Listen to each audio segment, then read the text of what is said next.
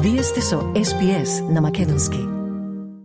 СПС им одава признание на народот Wurundjeri Вој Wurrung, припадниците на нацијата Кулен, традиционални собственици на земјата.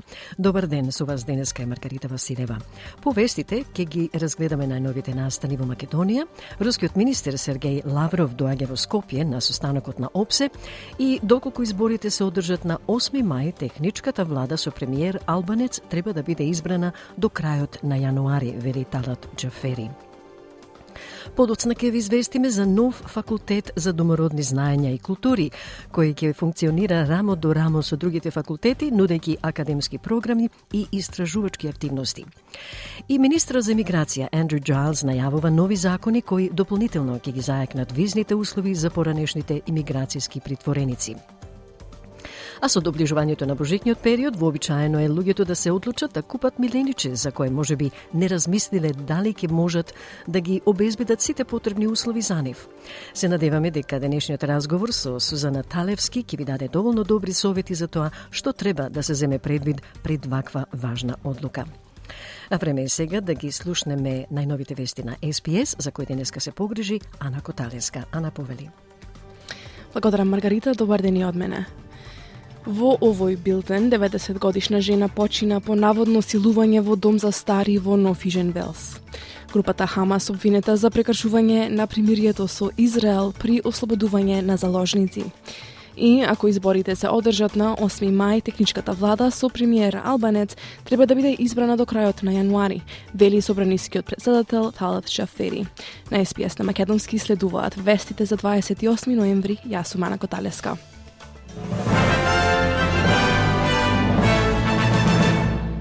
Постара жена почина во болница речиси две недели откако наводно била сексуално нападната во дом за стари лица во централниот брег на Нофижен Велс. Полицијата на Нофижен Велс потврди дека 90 годишната жена починала утрово.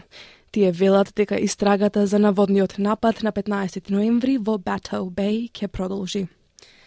Властите започнаа потрага по лице кое одбило да носи електронски тракер откако било ослободено од неопределен имиграцијски притвор по одлуката на Врховниот суд.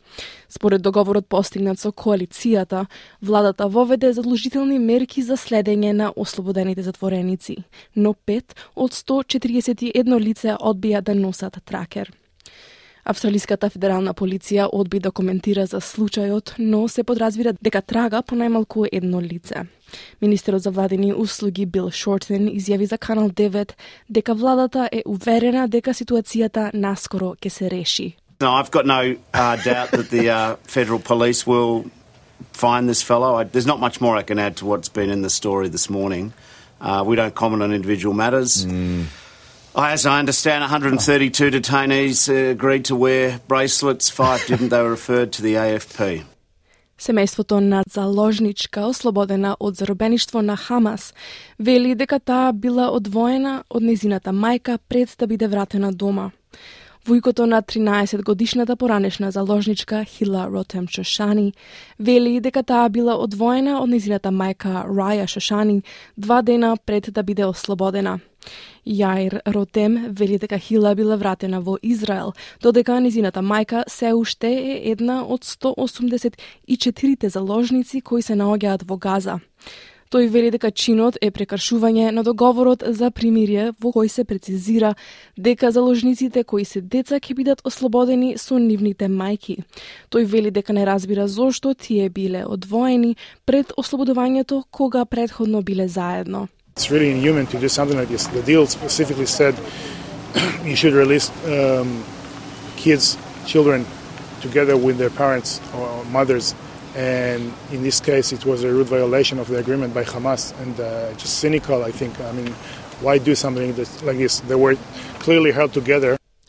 Забележано е значително зголемување на бројот на жалби поднесени од домородните австралици до финансискиот регулатор на земјава.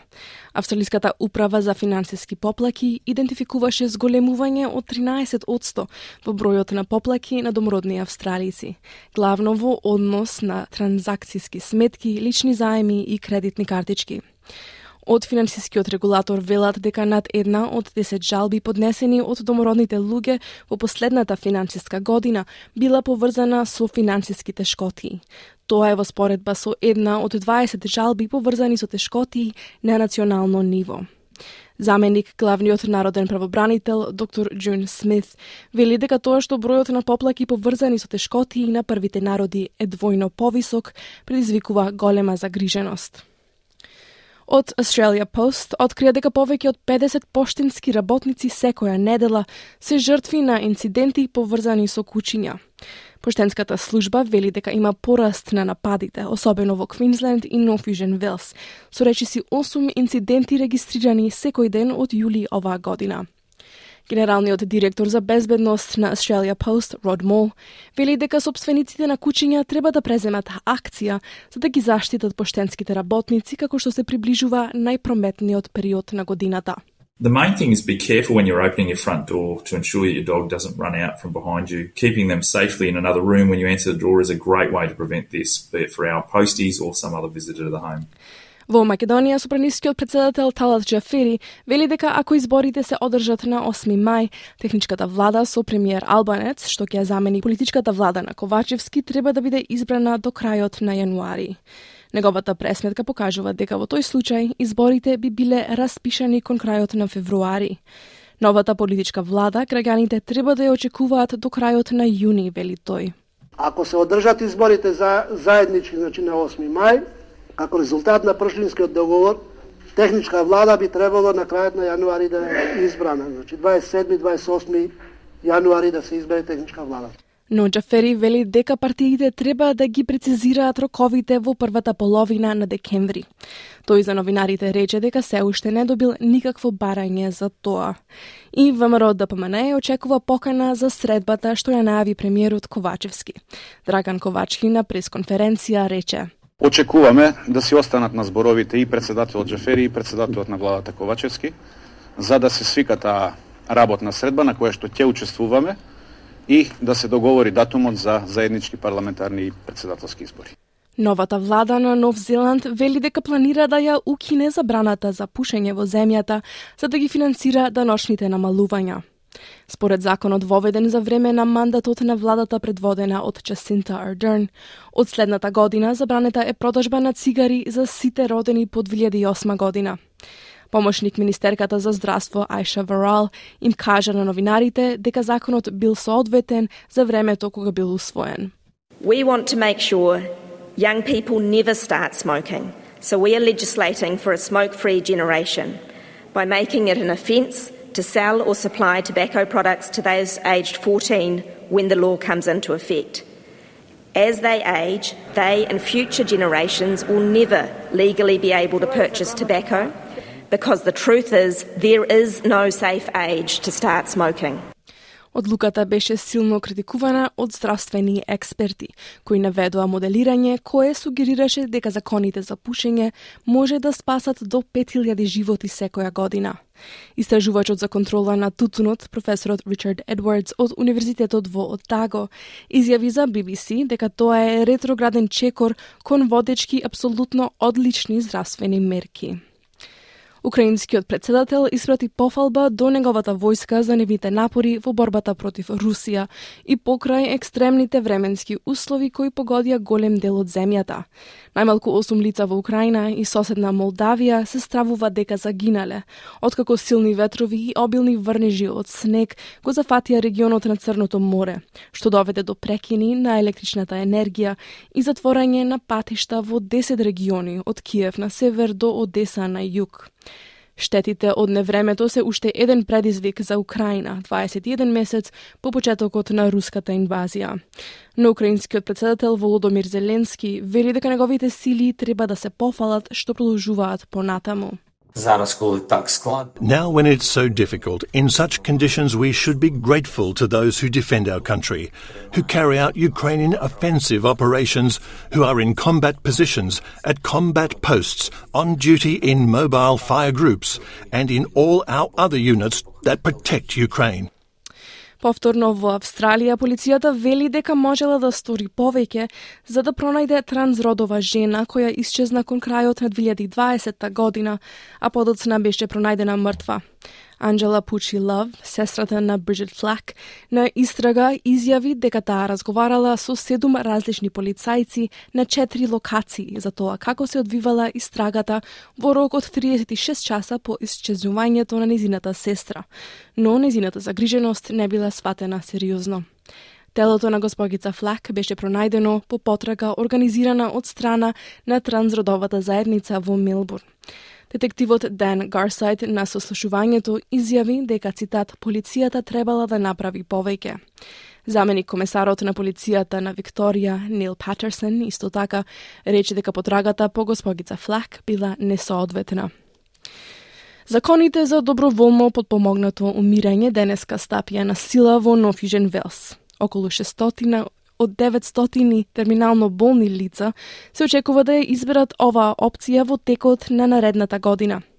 Застапниците ја поздравија Веста, а главната извршна директорка на организацијата Умирање со достоинство No Vision Wells, госпогица Шейн Хигсон, рече дека тоа ќе утеши голем број луѓе и семејства но телото Christian Voice Australia е меѓу оние кои и понатаму се противат на новиот закон, опишувајќи го како цитат безобразен напад врз светоста на човек, човековиот живот, потикнат од цитат антиживотни лобисти.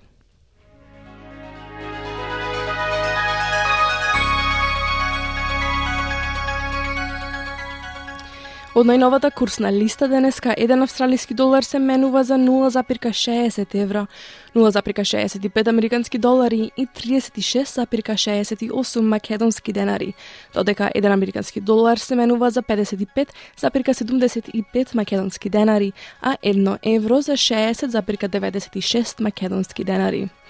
И временската прогноза за главните градови за утре во Перт делумно облачно 25 степени, делумно облачно и за Аделаид 24, во Мелбурн дошт 20, во Хобарт повремени врнежи 17 степени, за Канбера врнежливо со услови за можна бура 22, во Сиднеј се очекуваат 27 степени со дошт и можна бура, За Бризбен повремени врнежи од дошт и услови за бура 30, за Дарвен услови за дошт или бура 34 и во Елес Спрингс повремен дошт со можни услови за бура 33 степени.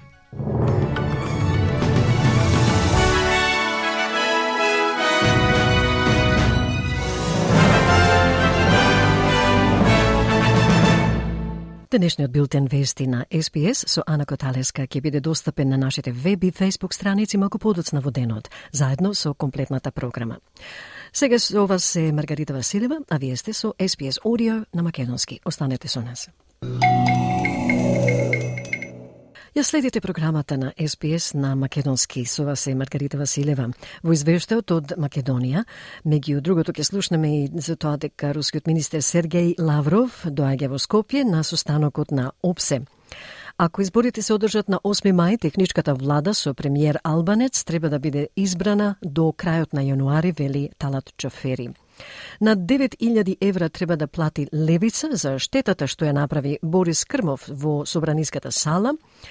Три стана и гаража и гаража, односно на Сашо Мијалков, се продадоа на аукција. И вчера почина негователот на жирафи, а подоцна и последната жирафа во зоолошката градина Скопје. Денеска од Македонија известува нашиот редовен соработник Бране Стефановски. Бугарија го отвори воздушниот простор за прелет на авионот на рускиот министер за надворешни работи Сергеј Лавров, кој треба да учествува на состанокот на министрите за надворешни работи на Организацијата за безбедност и соработка во Европа ОПСЕ, што ќе се одржи задутре 30 ноември и во петок 1 декември во Скопје. Оба вчера за ТАС го соопшти руската амбасадорка во Софија Елеонора Митрофанова. Тој доби позитивен одговор на нашата нота за авионот на Лавров, кој лета низ бугарскиот воздушен простор, рече таа. Предходно вчера портпаролот за надворешна политика на Европската Унија Петер Стано изјави дека планираното патување на Лавров во Македонија на министерскиот состанок на ОПСЕ нема да се смета за кршење на европските санкции. Македонија веќе дозволи авионот на рускиот министер за надворешни работи Лавров да слета во Скопје за да учествува на состанокот на ОПСЕ. Пред да стигне оваа одлука на бугарите, Лавров на конференцијата при Маковско читање во Москва изјави дека одлуката сега е кај бугарите. Изјавата ја пренесе Ројтерс. Страна Болгарија вроде бы обещала Македонии Бугарија и вети на Македонија дека ќе го отвори својот воздушен простор, ако тоа се случи, тогаш ќе бидеме таму. Ајде да видиме како комуницираат тие таму. Веќе има неколку барања за средби од западните представници. В том числе од западних представителей. Кон крајот на неделава во Скопје пристигнуваат 70 делегации, а во фокусот е освен Лавров, Американскиот државен секретар Ентони Блинкен и министерот за надворешни работи на Украина Дмитро Кулеба, но дали тие ќе имаат лични средби ќе зависи од нивниот план за престојот во Скопје. Детали од планот МНР не открива. Во пресрет на министерскиот состанок во Скопје по неколку неуспешни обиди, земјите членки на ОПСЕ постигнаа консензус и за нов председавач со организацијата. Од јануари Малта ќе биде новата земја председавач со ОПСЕ. Одлуката ќе биде потврдена на 30-тиот министерски совет на ОПСЕ во Скопје, напиша Османи на социјалните мрежи. Изборот на нова земја председавач беше клучниот проблем на ОПСЕ, особено по изгубената доверба во организацијата. Ако изборите се одржат на 8 мај, техничката влада со премиер Албанец, што ќе ја замени политичката влада на Ковачевски, треба да биде избрана до крајот на јануари, вели собранискиот председател Талат Джафери. Неговата пресметка покажува дека во тој случај изборите би биле распишани кон крајот на февруари. Новата политичка влада граѓаните треба да ја очекуваат до крајот на јуни. Ако се одржат изборите за заеднички, значи на 8 мај, како резултат на Пршлинскиот договор, техничка влада би требало на крајот на јануари да е избрана. Значи 27-28 јануари да се избере техничка влада. Но Джафери вели дека партиите треба да ги прецизираат роковите во првата половина на декември. Тој за новинарите рече дека се уште не добил никакво барање за тоа. И ВМРО ДПМН очекува покана за средба, што ја најави премиерот Ковачевски. Драган Ковачки на пресконференција рече. Очекуваме да си останат на зборовите и председателот Джафери и председателот на владата Ковачевски, за да се свика таа работна средба на која што ќе учествуваме и да се договори датумот за заеднички парламентарни и председателски избори.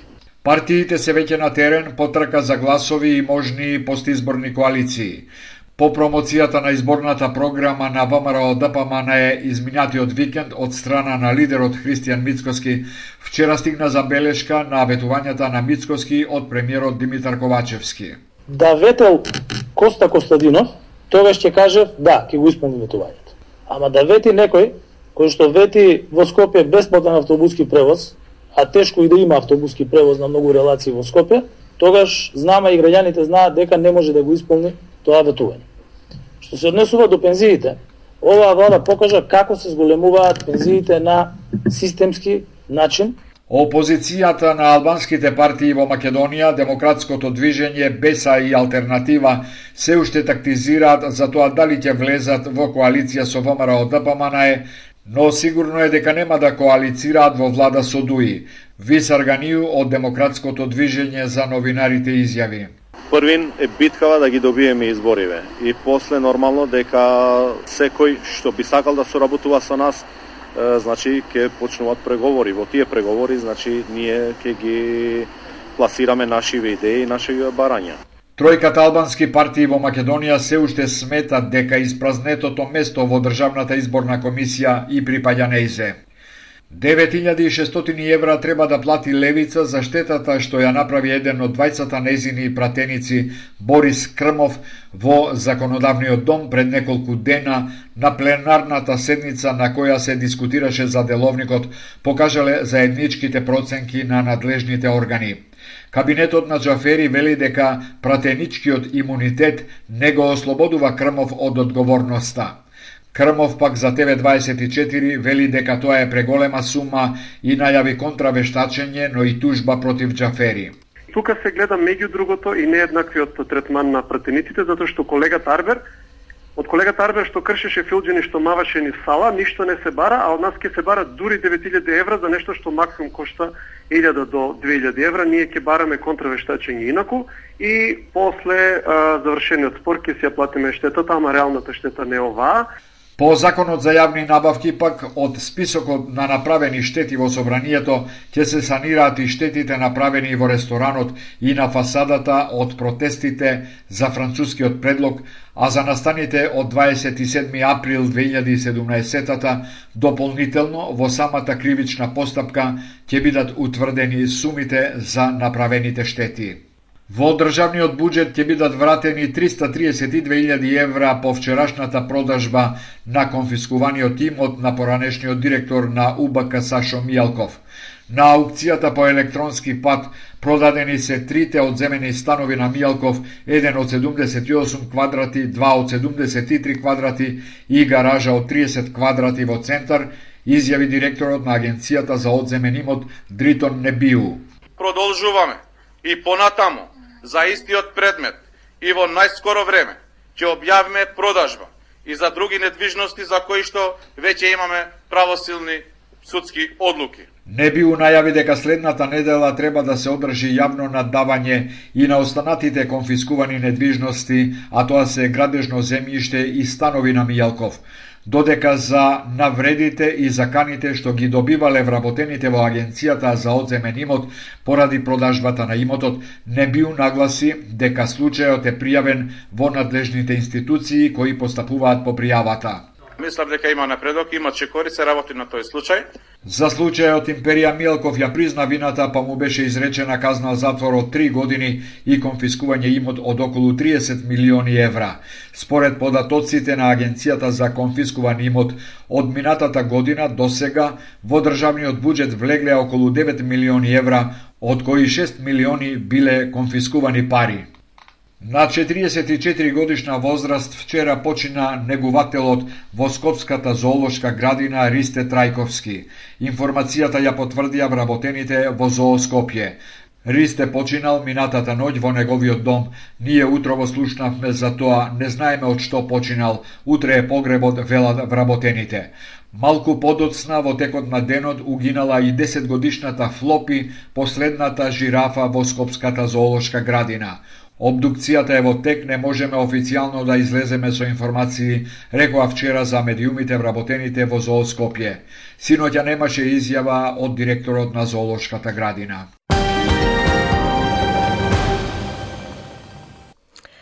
Македонската програма на СПС располага со голем избор прилози, интервјуа, извештаи и видео снимки. Посетете нашата Facebook страница SBS Macedonian или нашата веб страница sbs.com.au косацрта Macedonian, каде живеат повеќе илјади содржини. Го емитувавме извештајот од Македонија за 28 ноември со Бране Стефановски, а по неколку информативни пораки од SBS ке преминеме и на локални теми. Подоцна ќе го чуеме интервјуто на Ана Коталеска, што треба да што треба односно да земеме предвид пред да вклучиме Милениче во нашето семејство. Но најнапред една композиција од богатиот репертуар на Лепи Сол. Ја следите програмата на SPS на Македонски со Маргарита Василева. Технолошкиот универзитет во Квинсленд ќе го основа првиот факултет во Австралија, исклучиво посветен на мудроста на првите нации – Овој ново формиран факултет за домородни знаења и култури ќе функционира независно, рамо до рамо со другите факултети, нудејќи академски програми и истражувачки активности. Повеќе во следниот прилог на SPS од Есам Алгалиб и Таниша Уилјамс, што на македонски го подготви Радица Бојковска-Димитровска. Наскоро Универзитетот за технологија во Квинсленд ќе стане место каде што домородното знаење и култура не само што се слават, туку и ќе обезбеди интелектуална средина која промовира домородна извонредност и иновација. Неодамнешната објава за отворањето на новиот факултет за домородни знаења и култура објаснува дека тој ќе работи како независен факултет кој ќе нуди академски програми и ќе спроведува истражувања.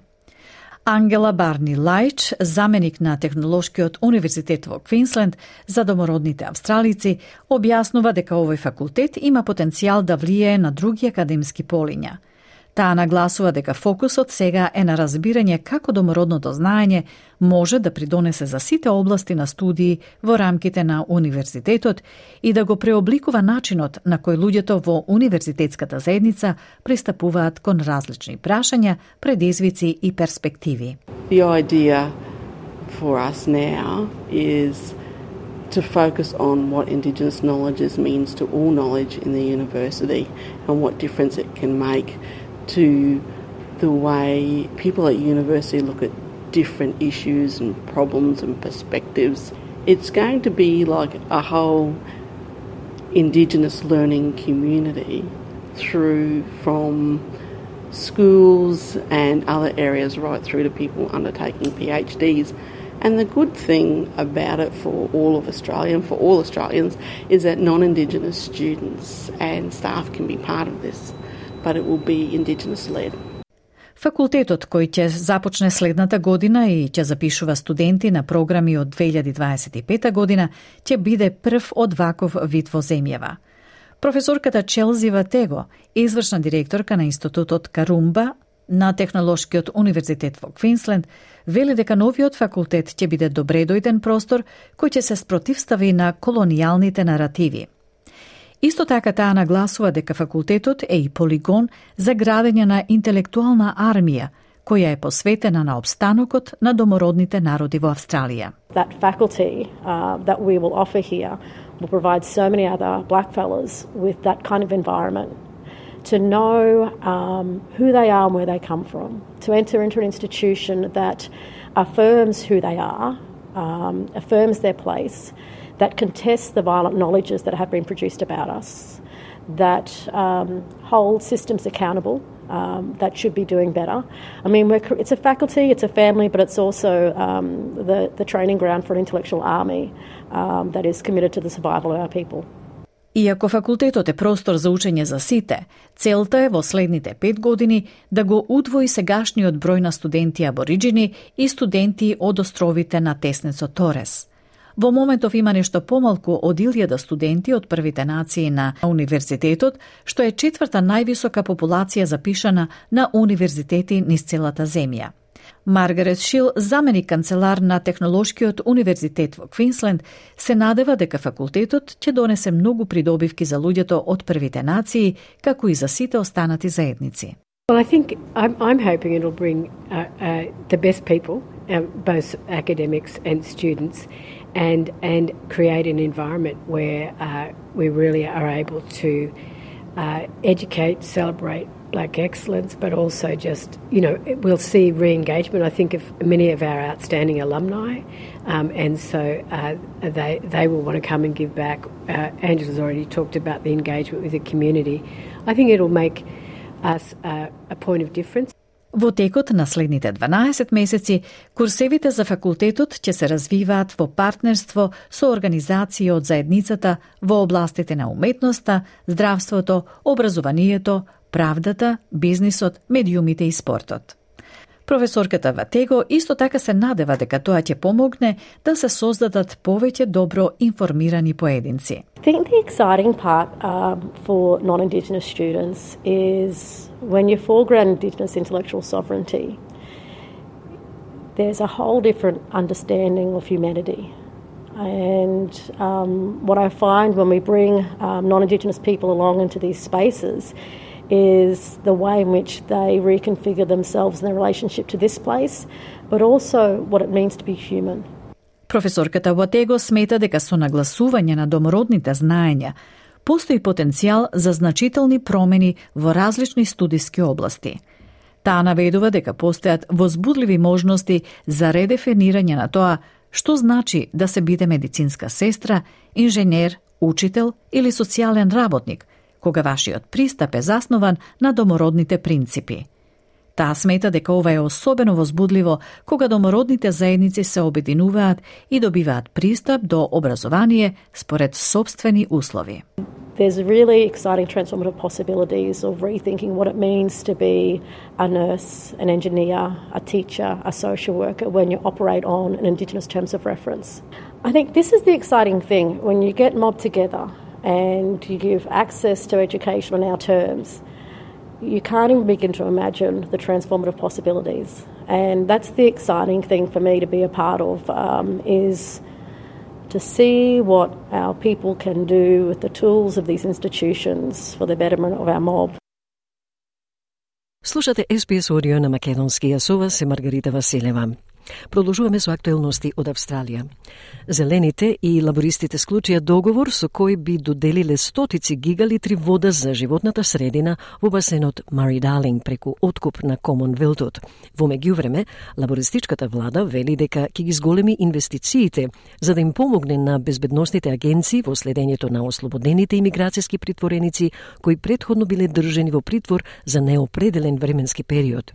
И министерот за имиграција Андрю Джайлз најавува нови закони кои дополнително ќе ги зајакнат визните услови за поранешните имиграцијски притвореници. Подетално денеска од извештајот на Анджелика Уайт за SPS News.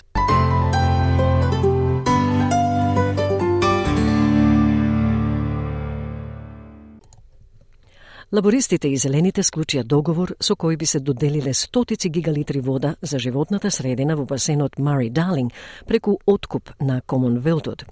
Лабористите се согласија на клучните амандмани на нацрт законот во замена за поддршката на зелените, вклучително и подобрување на транспарентноста и обезбедување на луѓето од првите нации да играат посилна улога во процесите за донесување одлуки. Крајниот рок за враќање на водата во басенот Мари Далинг сега исто така е одложен до крајот на 2027 година. Министерката за животна средина Тања Плиберсек вели дека амандманите го подобруваат законот и овозможуваат напредок во критично време. Таа вели додека влегуваме во уште еден сушен период, покритично е од кога било досега да се исполни целосно планот за басенот Мари Далинг. We know that as we go into another hot, dry spell, it is more critical than ever that we deliver fully on the Murray Darling Basin Plan. I'm very pleased to say today that Labor has been negotiating with the Greens Party and that we have agreed to a number of significant amendments to the Restoring Our Rivers Bill, which will improve the bill and allow the Greens Party to vote to support the Restoring Our Rivers Bill in the Senate. Сенаторот на Националната партија Перен Дейви вели дека амандманите ја одземале заштитата на земјоделците со кои се дозволувало откуп само доколку нивното социоекономско влијание е неутрално или позитивно. Тој вели министерката признава дека откупот им наштетува на руралните и регионалните заедници во сливот, но не се грижат поради што предлог законот го отстранува социоекономскиот тест за враќање на водата според планот од 450 гигалитри.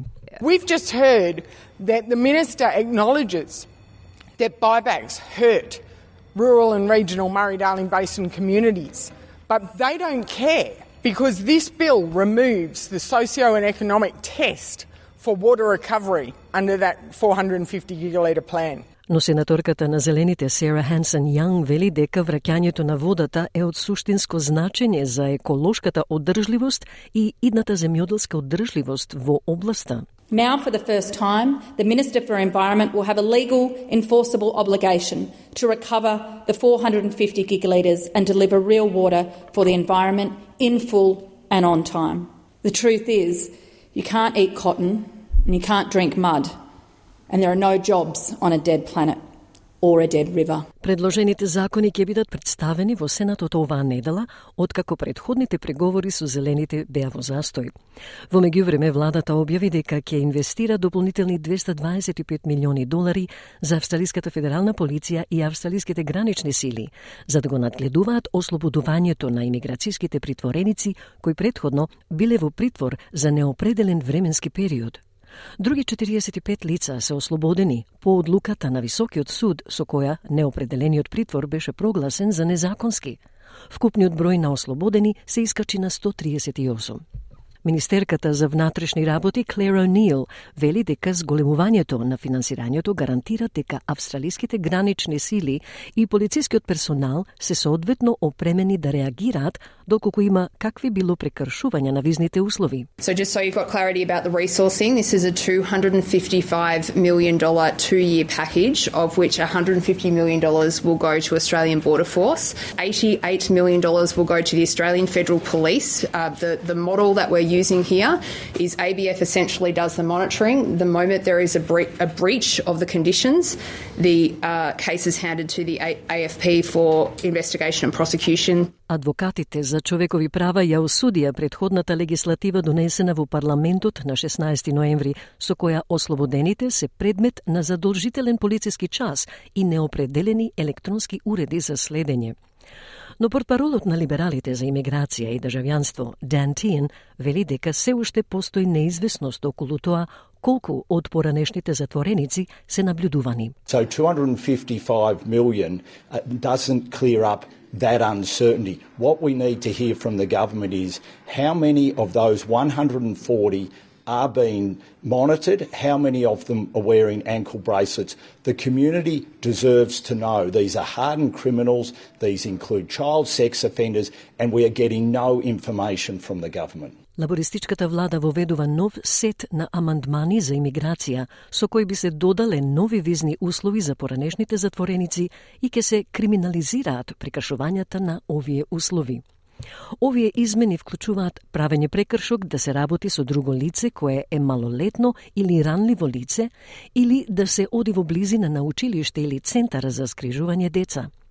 Министерот за имиграција Андрю Джайлс вели дека владата е посветена на воведување трајни закони кои ќе обезбедат безбедност на заедницата во иднина.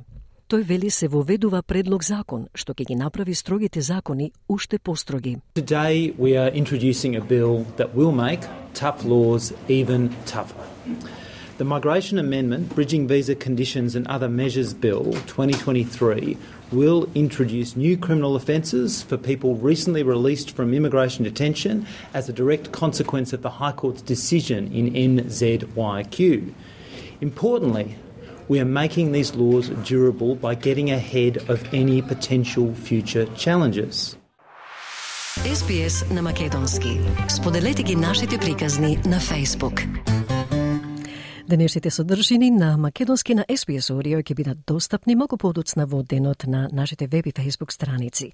А за прашања или коментари во врска со програмата, оставете порака на Facebook страницата.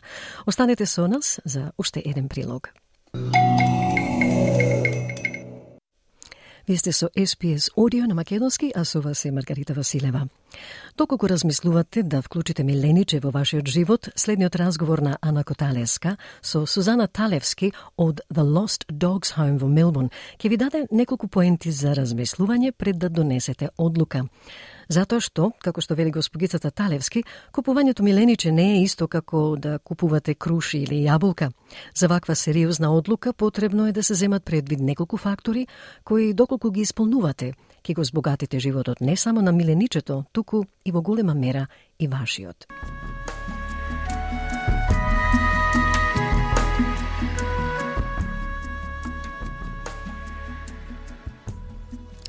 Многумина кои се грижат за домашно милениче би се согласиле со старата фраза «Кучето е најдобар пријател на човекот».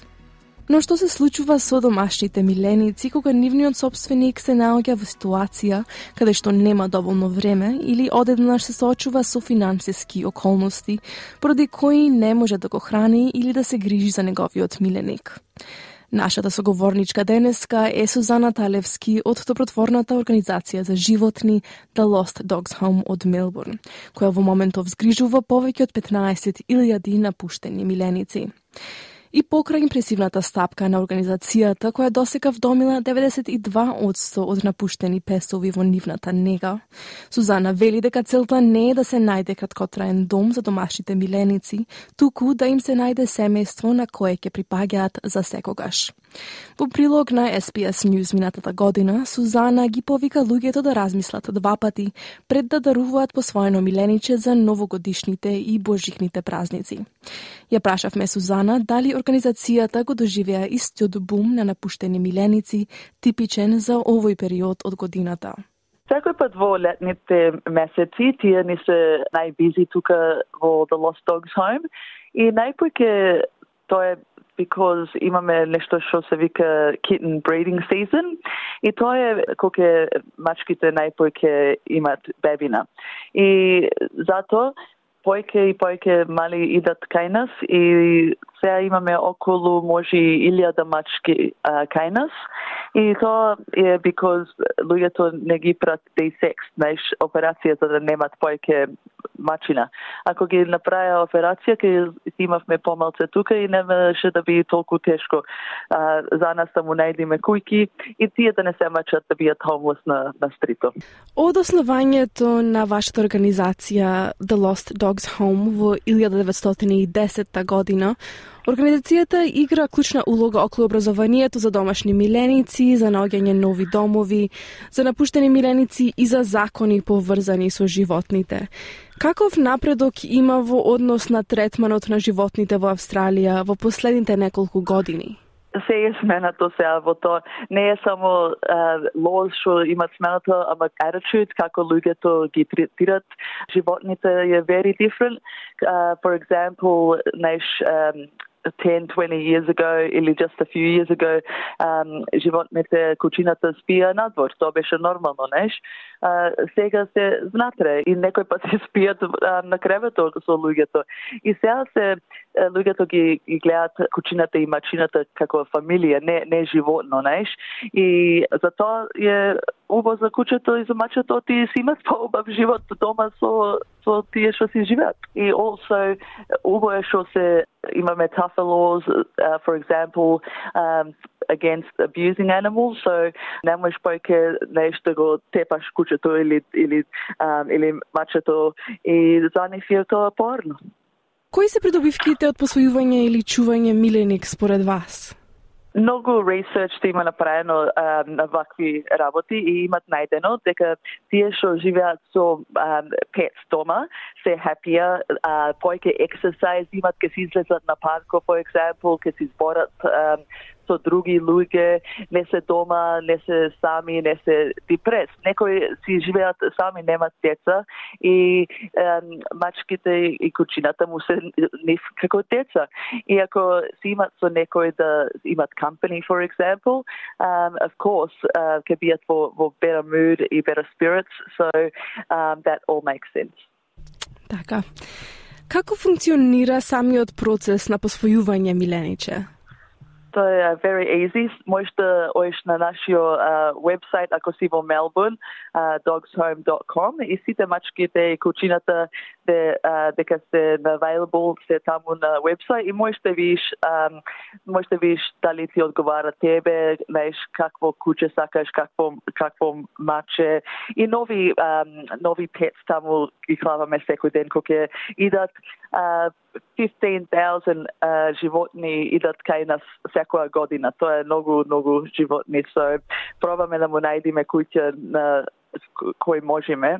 Не мораш да направиш апојмент кај нас, само можеш да, можеш да дојш или во Норт Мелбурн или во Cranbourne uh, during uh, opening hours и ке ти најдиме меч за што ти одговара тебе. Се треба да си мислите дали можеш да гледаш мачето или кучето за, за долго време, не само за една недела, еден месец, за Божико, за Велик ден, за роден ден. Оти кога земиш маче или куче, треба да знаеш дека тоа може да живее 15-20 години. И ти си responsible за да гледаш за тој цел живот треба да си мислиш да каква ти е куќата што живееш.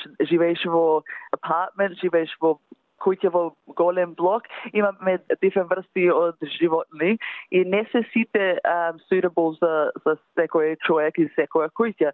И секој пат да, да знаеш дека because куќето или мачето ке живее толку години, треба да имаш инаф uh, пари да ги да подржаваш. Дали ќе имаш пари да го носиш на вет секоја година, ти треба да на чекап every. Или имаш инаф пари за да му купваш јадење и такви работи. So има quite a few things to think about пред да дојдеш кај нас и да, и да земеш маче или куче за дома. Слушате разговор на Ана Коталеска со Сузана Талевски од The Lost Dogs Home во Мелбурн, организација која се грижи за напуштени кучиња и мачиња и која напорно работи на обезбедување постојан дом за нив.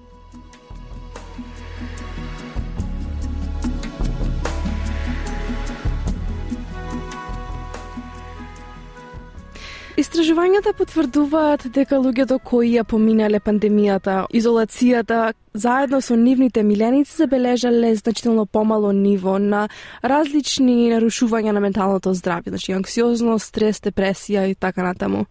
Дали забележавте зголемување на бројот на посвоени миленици во текот на пандемијата, особено тука во Мелбурн, и што се случи со нив потоа? Кога беше локдаун, многу, многу бизи бевме. Најпојке animals ги задоја од може 10 години кога беше кога бевме во локдаун. Некој кучина 300 applications само за едно за едно куче добивавме. Ама сме happy да, да ти кажеме дека мајстото кучина стил се дома и не и вратија. Ама некој некој се вратија, yes, ко луѓето беа најслободни да, да си пак на работа. А, и затоа пак да му речем на тие што слушат денес да се мислите carefully и да знаете дека не е нешто како decision да направите денес и да си осмениш умо утре. А ние пак ќе вратиме кучето ќе си земеме назад, ама не е убаво. И тие си имат душа и е жално кога ги гледаме да се враќат. Да, сигурно не е добро ни за нив, но и за вработените да гледат истото милениче назад. Дали забележувате раст на бројот на луѓе кои не може да го чуваат своето милениче поради зголемените трошоци за живот во моментов или во последниот период? Најкопа да, така гледаме дека а, луѓето не можат појке да гледат и немат толку пари што име не можат да се ранат сами и, и кучето и, и мачето. Најпојке гледаме дека а, тие постарите луѓе може што се на пензија, што немат толку пари, тие најпојке страдат со такви работи и животните што и враќат и тие се постари, знаеш, и тоа е жално кога е куќето старо и, и си не знае куќата појке и се му е во strange environment и после пак треба да почни поново. Ама definitely cost of living, што вика тука во Австралија, е big, big issue за луѓето со animals. Така. И на самиот крај, Која е вашата порака за слушателите кои размислуваат да посвојат или да купат милениче? Ние сакаме најпојке животни што можеме да му најдеме кујки. То, то ни е најпрво за тука што работиме во The Lost Dogs Home. Ама, кога си ој кучето или мачето од кај нас, неки ме добиме пак, оти сакаме да знаеме дека си живеј uh, во happy home, знаеш? So, uh, a pet кога ја земиш, велиме is forever, not just for a few months. Не е како да шопинг, знаеш, да купиш да купиш круши, јаболка, да ја крај, клаиш во фризата и после да речиш овие не, не ме бендистват појке. Ова е душа со срце, со feelings и за тоа да знаеш и да се мислиш пред да дојш тука и ако си happy со се тоа и, и знаеш дека ќе осакаш forever и ќе можеш да му а, даеш убав живот, please ако сте во Мелбурн, дојдете на вебсайт dogshome.com или дојдете онсај и, um, и ќе ве хелпаме да си најдете тој perfect match. Стиснете, ми се допаѓа, споделете, коментирајте. Следете ја SPS на Македонски на Facebook.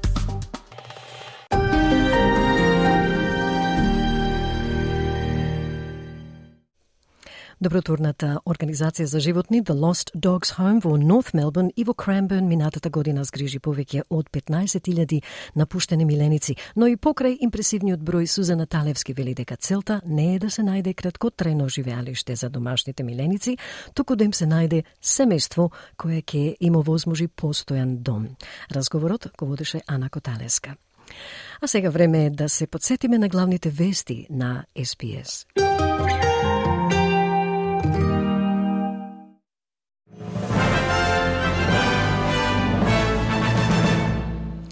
90 годишна жена почина по наводно силување во дом за стари во Нов Южен Велс. Групата Хамас обвинета за прекршување на примирието со Израел при ослободување на заложници. И ако изборите се одржат на 8 мај, техничката влада со премиер Албанец треба да биде избрана до крајот на јануари.